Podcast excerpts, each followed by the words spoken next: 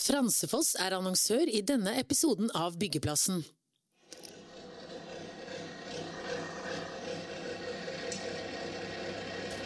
Hvordan blir entreprenørmarkedet i 2023?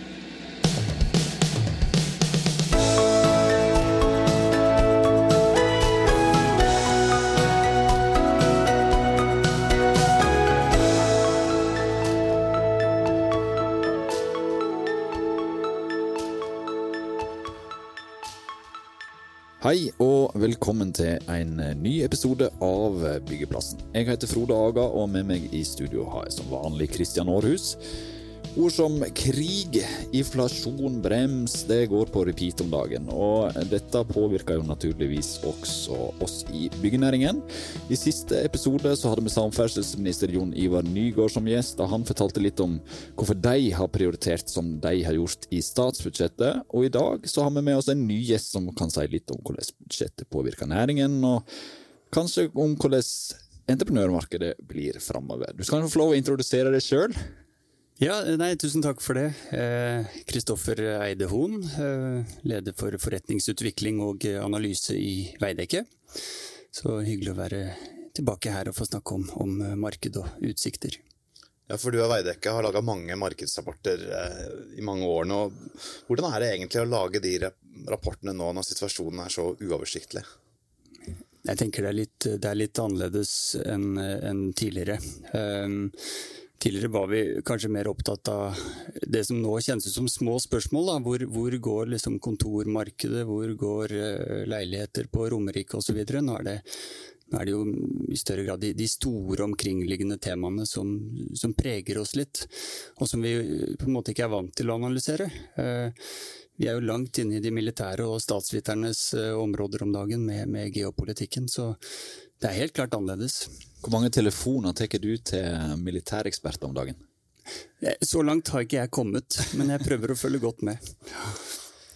Det er mye rart. Altså, det er mange faresignal fra forskjellige områder. Det er høy inflasjon, det er krig, det er knapphet på materialer og ressurser. Hva er egentlig worst case scenario for byggenæringen i året framover? Jeg, jeg, tror jo vi, vi, leser om dem eh, mye i media om dagen. Eh, disse voldsomme bekymringene. Eh, full stopp. Eh, eh, store, store, harde ord, får vi si. Eh, så, så, er vi i Veidekke i hvert fall veldig opptatt av å skille mellom hva vi har observert, og hva som kan komme. Eh, PT så er den største utfordringen tilgang på, på arbeidskraft. Eh, enn så lenge, sett fra, fra, vårt ståsted, så er det jo ingen tvil om at, eh, at fremtiden er, er, uviss. Vi har jo tatt unna ganske store kritiske forhold de siste åra på en god måte. Det er et bakteppe. Så det er ikke gitt at det skal bli kullsvart. Det, det, tror jeg er riktig å si. Kan vi spørre om hva som er best case-scenario, da? Jeg, jeg, tror et best case scenario er, er, eh, egentlig det vi legger frem i våre prognoser. At vi fortsatt får en eh, ganske flat aktivitet på, på høyt nivå. Og, og, det er litt kjedelig å komme og si det, for det, det er jo akkurat det jeg har sagt til dere de, ja, da jeg var her for tre-fire år siden og når jeg var her i fjor. Og så, og så jo, kan jeg jo stå rak i ryggen med den prognosen, for akkurat sånn har markedet utviklet seg. Eh, og, og jeg tror også det er riktig å tilføye at, at vi som sagt har vært robuste mot uh, store kriser uh, mange, flere ganger. Men Vil du definere den perioden vi er inne i nå som en krise? Ja, Den er litt annerledes. Uh, det, det, vi har snakket en del om, er jo at, at markedssituasjonen er, er veldig knytta på renter og finansiering. Eh, og så, så, vet vi jo alle at det har bare gått én vei egentlig eh, de siste 10-15 åra, det er nedover. Og, og, og bidra til å, liksom booste vår næring oppover. Eh, og nå er jo situasjonen ganske fundamentalt endret ved at inflasjonen faktisk er høy.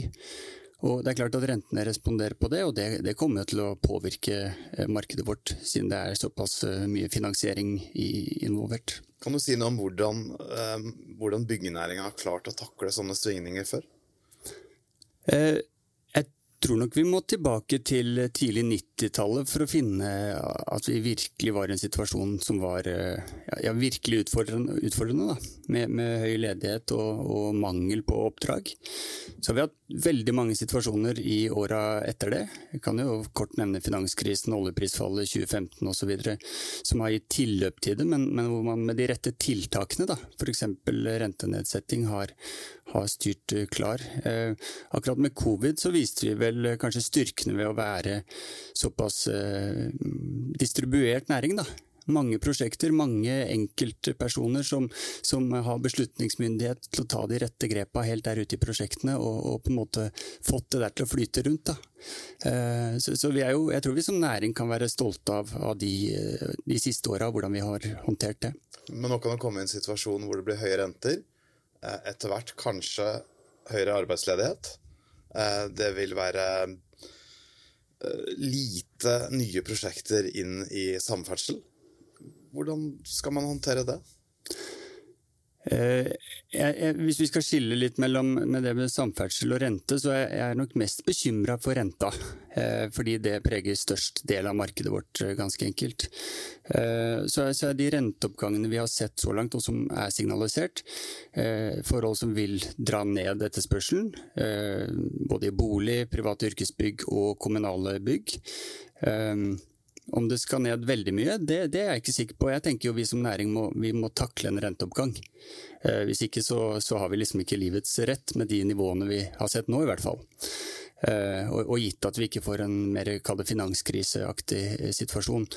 Hvor, hvor selve finansieringsflyten på en måte stopper opp. Vi tar en kort pause fra byggeplassen for å høre fra våre annonsører. Ai, ai, ai, se der ja. Et klassisk skjulte utgifter-utslett. ja. Jeg kan også se et større utbrudd av hvordan i alle dager skal vi håndtere alt dette avfallet irritasjon.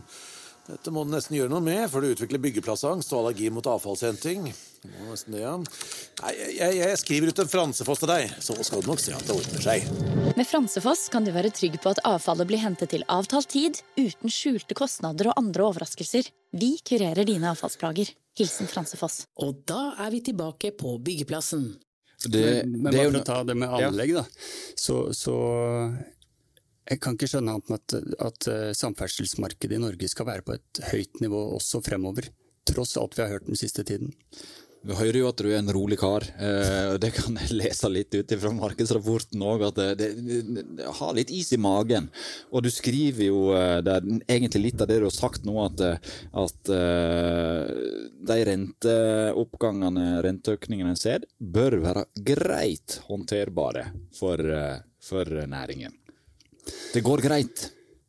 Ja, det, det, er hovedscenarioet vårt. Mm. At dette her er det vi har sett så langt eh, av på en måte renteutsikter, det, det, er ikke det som skaper mest bekymring eh, for meg. Jeg tenker Hvis man har rigget seg så man ikke kan håndtere det der, eh, så, så, har man et, et, problem som aktør. Da. Eh, Men, for, for, dette måtte man på en måte ta høyde for at det kommer. Så, så mine bekymringer de er, de er mye mer makroorientert. Det er jo for så vidt det som skjer i, i den store verden. Mm som berører oss alle, tenker jeg, med familier osv. Og eh, hvordan ser det da, Dette henger jo sammen med inflasjon og hele pak eh, pakka her. Hvordan eh, ser det for at inflasjonstakten blir framover? Nei, nå har jo inflasjonsprognosene vært på, på vikende front, får vi si. da. Eh, tungvektere som var ute og sa at dette skulle normalisere seg, har jo tatt feil så langt. Og normaliseringen er liksom stadig skjøvet frem i tid. Eh, så, så tenker vi at det fortsatt er en, en god prognose. Eh, ikke bare når vi ser på liksom allmenn inflasjon, men, men, for så vidt også for, for vår næring. Da, og, og byggekostnadene i, i, næringen.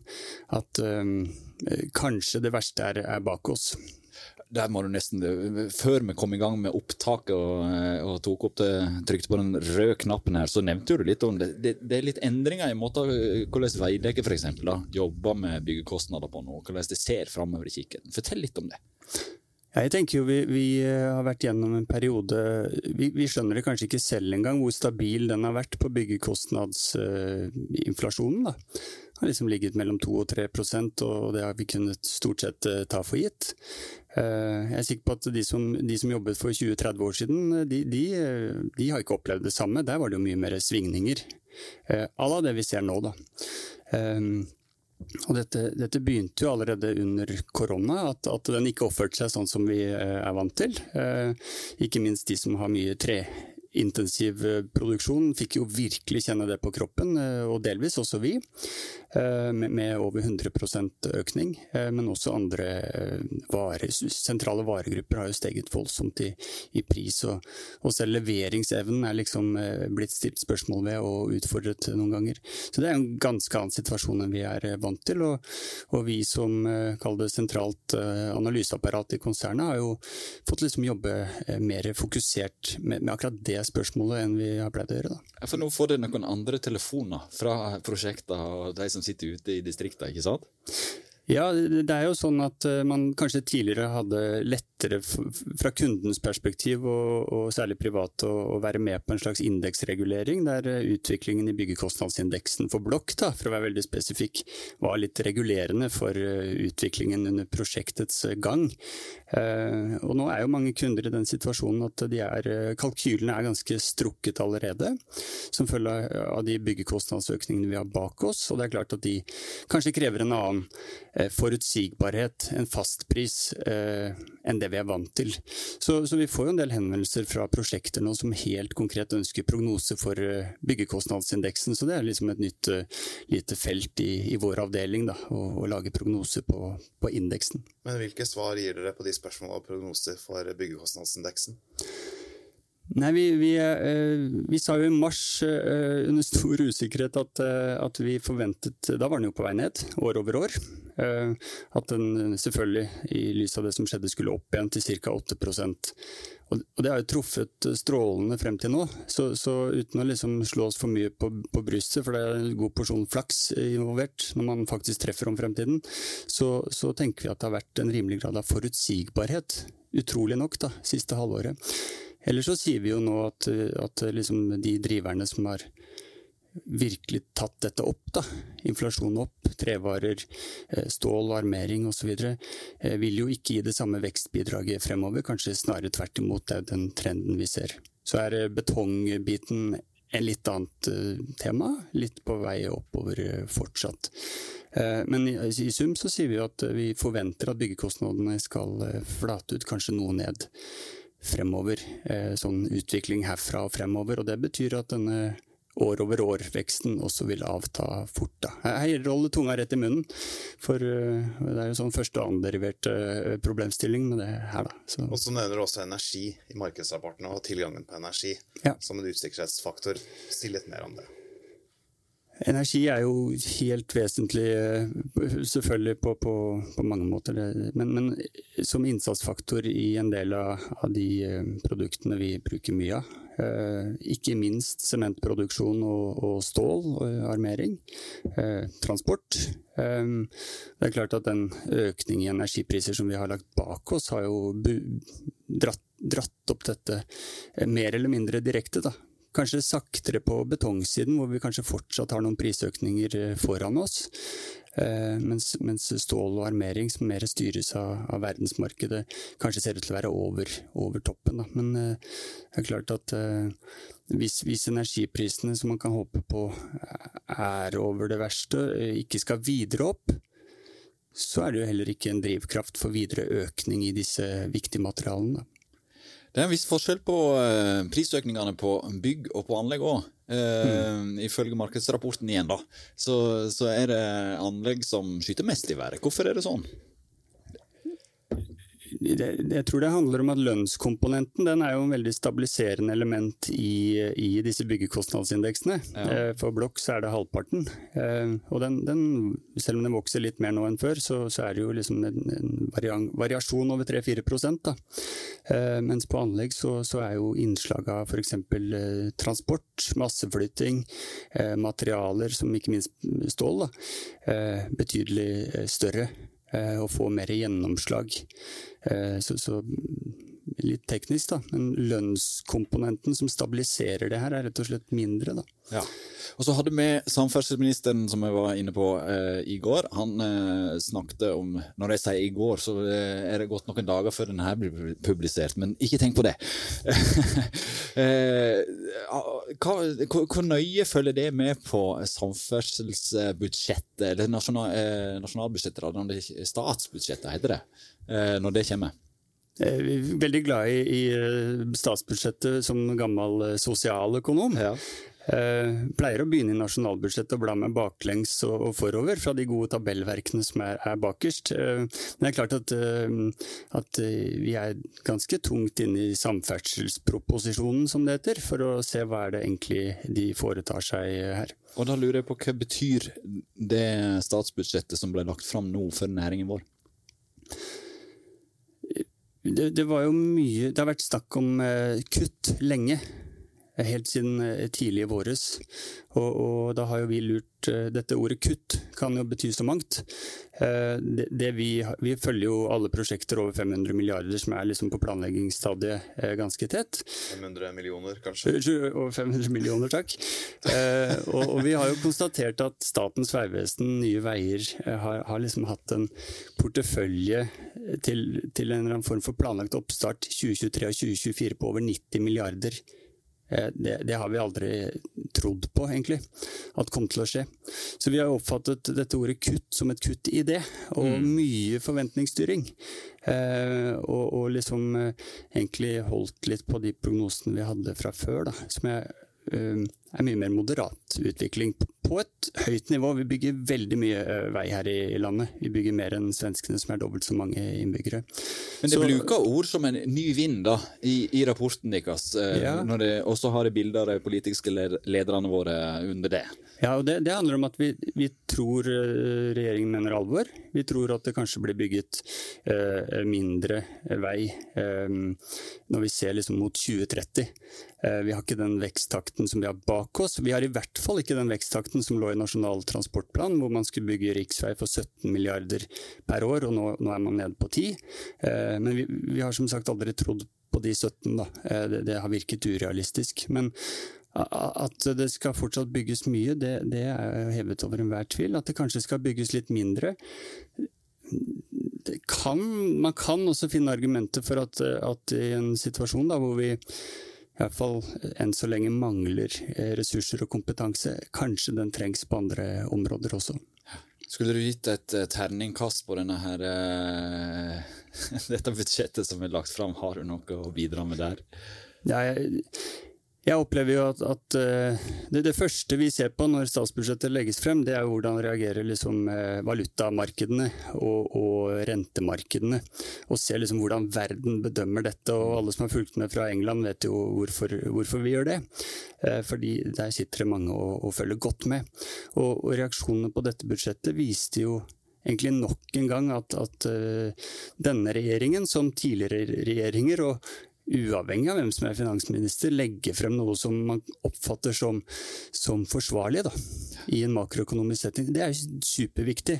Det er det viktigste. Eh, så, så i forhold til liksom makroøkonomisk stabilitet, så er det jo terningkast seks. Eh, det er langt unna det som Hallingdølen ga, som jeg prata om i forrige episode. Men jeg, jeg, tror jo de som har sittet og, og drømt om et veiprosjekt som er direkte truffet av det regjeringen nå, jeg kan ha stor respekt for at de opplever dette som som noe helt, uh, noe helt annet og, og, veldig skuffende. Det, det, er ikke vanskelig å skjønne det. For det var vel Ringeriksbanen som fikk to uh, enere i terningkast? Det var nettopp det det var. Og, og, det er jo det du sier. Det er jo konkrete prosjekt som rammer et lokalt område, ikke sant? Som, ja, det, som gjerne får slakta. Det er litt makroøkonomens på å si, fordel og ulempe at vi noen ganger lener oss tilbake og, og liksom kan, kan liksom se det uten å være direkte berørt. og så Man får jo ha respekt for at, for at eh, det er ståstedet. da. Nå har du vært innom England og, og snakka litt eh, om, om, det, og det internasjonale bildet. Fortell litt om uh, Sverige og Danmark, de nærmeste naboområdene våre. For det er jo et punkt i, i denne rapporten her, og er, det er jo marked som det er representert i. Ja, Veidekke opererer i Norge og Sverige og Danmark, har gjort det siden 2000. Nå legger vi bak oss eh, en høykonjunktur og oppgang i Sverige som er nesten eh, den er enda sterkere enn i, i Norge. Voldsom vekst på, på særlig byggsiden, særlig på leiligheter. Eh, og ser jo at omslaget er ganske mye kraftigere enn det vi har sett her i landet når vi ser på priser. Så eh, tenker at disse markedene, disse landene, er mer eksponert enn en det vi opplever i Norge. Da. Jeg så på den kurva som var for Sverige, det kan jo minne nesten om et kan vi si ordet krakk på boligpriser? Det tror jeg er Nok en gang, da. En pile som Eh, peker ganske kraftig nedover. i hvert fall. Nyboligprisene i Sverige de har, de har falt kraftig. De er tilbake der de var for et par år siden. Mm. For de har jo jammen meg økt kraftig òg, bare for å ta med det. Um, og så så vi jo i august, nå har vi vel ikke fått september, at, uh, at det kunne se ut som den fant et eller annet støtte. da. Mm. Um, jeg, tenker generelt det er for tidlig å si, da, etter tre-fire måneder, at vi står overfor et krakk. Ja. Um, det må jeg si. Eh, og, og 2021 var helt voldsomt når det kommer til igangsetting. Eh, de store entreprenørene har nok mye å kalle det gnage på, da. Eh, selv om det skulle komme en periode med mindre nye eh, ordre. Eh, for det har vi opplevd før. Men, og så har det tatt seg opp igjen. Men eh, men det, du forventer ikke det samme for, for, eh, for Norge, for eksempel, da? Nei, Jeg, jeg tr- tror vi er i en litt annen eh, situasjon, også økonomisk, også med økonomiske muskler. Eh, hvis det trengs, så, så har jeg vanskelig å se for meg at, at myndighetene, Norges Bank, sitter og, og ser på at det blir eh, masseledighet og, og lite å gjøre. Og så stor som vår næring er, så, så er jeg helt sikker på, som tidligere, at, at det vil komme tiltak. Eh, ja, det, det gjelder jo både renta som er viktigst, men kanskje også fra budsjetthold som, som vil bidra. da. Men hvor bekymra er dere for utviklinga i Sverige? Hvis du ser på børsene, Stockholm-børsen er jo ned vesentlig mer enn Oslo Børs i samme periode. Hvor bekymra er dere for det svenske markedet? Jeg, jeg tror eh, det er, det er veldig lov å være bekymra som makroøkonom og liksom det geopolitiske om dagen. Eh, Det er lov å være bekymra når boligprisene faller eh, så kraftig de har gjort. Heldigvis fant de støtte igjen, enn så lenge. Jeg for egen del eh, tror jeg det skal gå litt lengre tid før, før liksom det store alvoret siger inn. Da skal vi faktisk mangle arbeidskraft. Senest nå i, i september så meldte jo svenske bygg- og anleggsbedrifter om fortsatt veldig høy aktivitet og problemer med å få tak i kompetanse. Det, er, det er tall fra september fra Konjunkturinstituttet som, som vi følger. Da. Det er liksom tungvekterne der borte. Så, så det er, det er lov å være, det er alltid lov å være bekymra. Men hvorvidt man skal begynne å rope, det er jeg usikker på. Ja, For det er jo mange som roper ulv, ulv. Hvorfor gjør de det nå, da? Det er jo eh, logikken dere står for, da. Man må jo bli hørt. Eh, Jeg tror jo ikke alltid det bidrar til en opplyst eh, diskusjon, dessverre, men, men det, den, den er vel tapt for mange, mange år siden.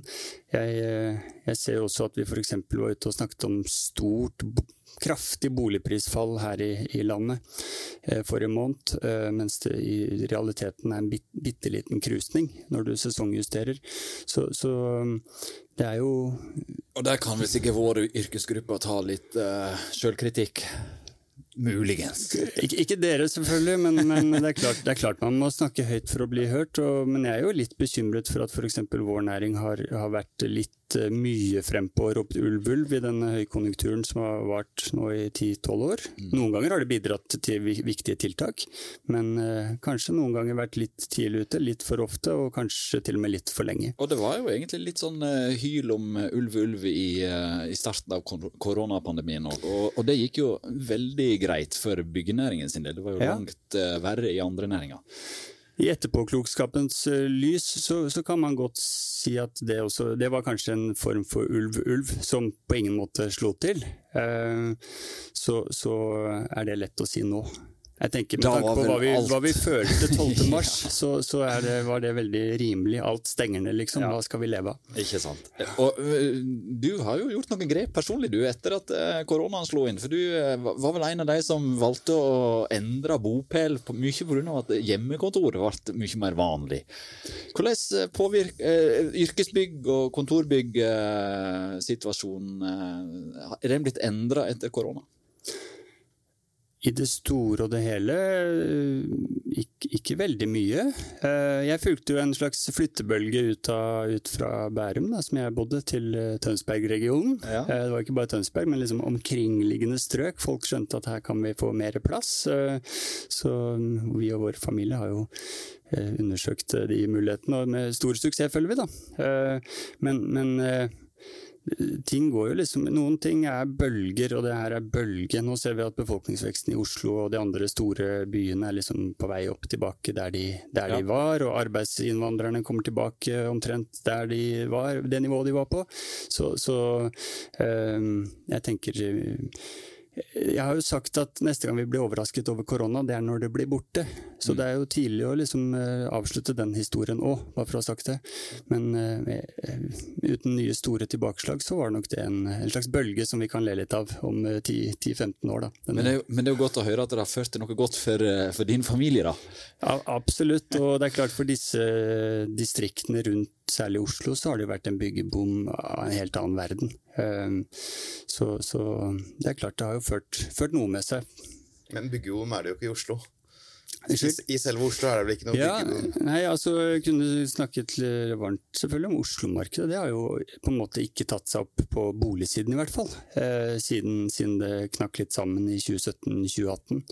Eh, og nå bygger, bygger ikke Veidekke så fryktelig masse eneboliger, men der er jo det noe som påvirker byggenæringen i stor grad òg, med bygge- og deleforbud i, i Oslo. Ja, det er, det er, klart denne såkalte byggestoppen eh, må jo oppleves som svært dramatisk for de aktørene som er i det segmentet. Det, det er ikke vanskelig å forstå. Um, men det er ikke en så stor del av markedsrapporten til Veidekke? Nei, det, det, vet vi ikke så mye om. Vi har jo noen tall og sånn, men vi prøver ikke å mene så mye om, om, det segmentet som vi ikke selv eh, er i. Um, så, så, et annet segment vi ikke mener så mye om, er jo fritidsboliger, selv om vi, vi, vi bygger litt, noen avdelinger. Men, uh, men, det er klart, uh, jeg, tror, jeg tror, jo i en sånn situasjon da, hvor markedet bremser, kanskje går nedover, så, så, er det alltid preget av at noen er mye hardere rammet enn andre. Jeg uh, tenker også at en del av, av fagene i næringen vår som har, har litt sånn kort kortere ordrelengde. Da. Eh, det kan være arkitekter eller, eller, andre fag som er tidlig inne i prosjektet, opplever liksom en sånn stopp som mye mer dramatisk enn de store entreprenørene som eh, jeg kalte det du har noe å gnage på. det Fins sikkert bedre ord. Jeg tror eh, lytterne våre har litt å gnage på etter å ha hørt denne episoden her òg. Det er mye mye interessant eh, info, håper i hvert fall med at, eh, at dere har fått. Det er jo på tide å takke Kristoffer for at du tok deg tid til å være gjest hos oss. Kristian Aarhus og Frode Haga, våre programledere, vi er plutselig tilbake med nye episoder av Byggeplassen. Fransefoss var annonsør i denne episoden av Byggeplassen.